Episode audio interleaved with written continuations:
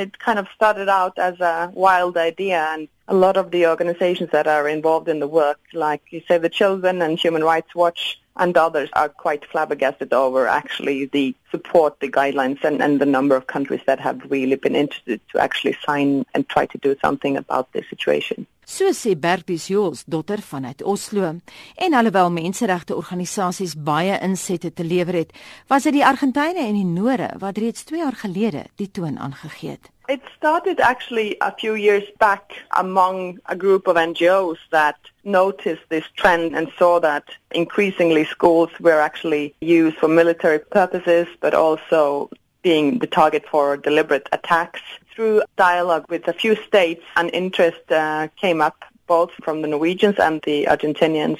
At least Norway has a long tradition to be a strong defender of human rights to be a peace negotiator. So I think it kind of links to the longer tradition. Maar in die aanloop tot die Buenos Aires konferensie het nog lande die sogenaamde Safe Schools Declaration onderteken.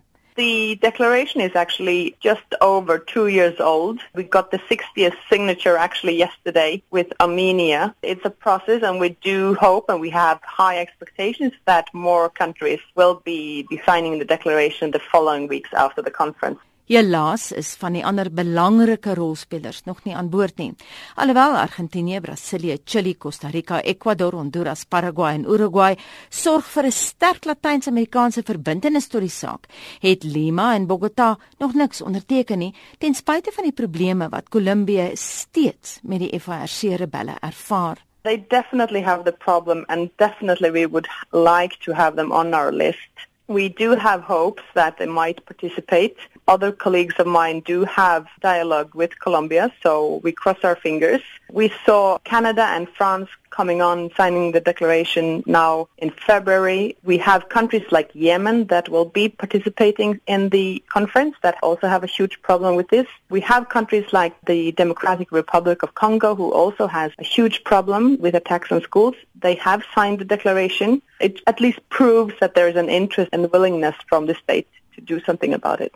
Dis dan ook hoe Jos dogter haar rol sien. Sy is die week as verteenwoordiger van die nie-regeringsorganisasie Save the Children in die Argentynse hoofstad om nog lande te probeer betrek by die ondertekening van die dokument wat poog om nie net skoolkinders nie, maar ook universiteitsstudente in oorlogsgetuieerde gebiede te beskerm en om te verseker dat hulle studies nie onderbreek word nie. To continue to work to lobby and advocate among the hopefully 70 states that will be at the conference next week for endorsement to have more countries to sign the declaration and to implement it En dis noodsaaklik dat meer state hulle verbind tot die beskerming van hulle kinders en studente. Net verlede week is 33 mense dood in 'n lugaanval op 'n skool naby die ISIS-beheerde stad Raqqa in Sirië. Human Rights Watch is so bekommerd oor die skoolsituasie in die Sentraal-Afrikaanse Republiek dat hy verlede week 'n 39 bladsye verslag uitgebring het wat sê dat sommige kinders in die land al vir jare lank nie skool gaan nie, soos wat onderwyser in die noordelike Nana-Grebisik provinsie gekla het. Die Seleka rebelle dink dis normaal om hulle self in skole te vestig. En alhoewel die SAR die Safe Schools Declaration in 2015 al onderteken het, het dit daar nie veel in die praktyk beteken nie. Dit laat mens wonder watter praktiese nut die ondertekening van so 'n internasionale verklaring sou hê. It is the best system we have. It's the way that the world needs to go to talk and discuss and agree on common rules.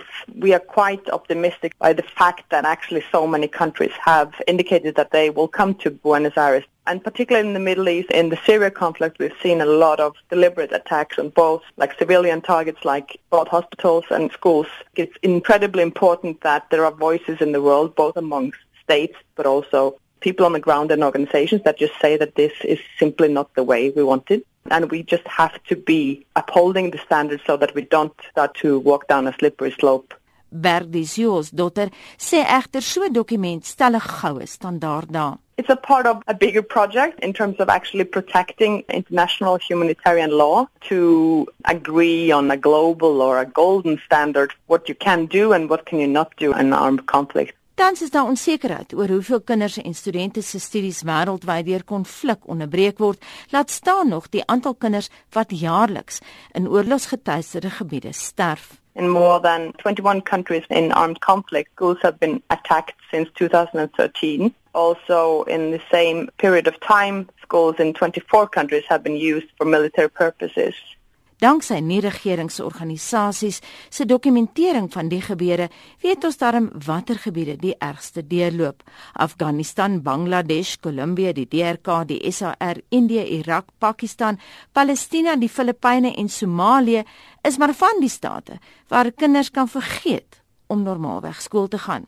Save the Children se Noorse woordvoerder glo egter dat daar darm nou riglyne is wat onderwysers, dosente en hulle en studente kan volg. What is a bit surprising is that it actually helps both headmasters but also local communities to actually know about these rules and that it is not acceptable for the military or armed groups to use schools that very often through negotiations or, or just dialogue also these groups accept certain rules in conflict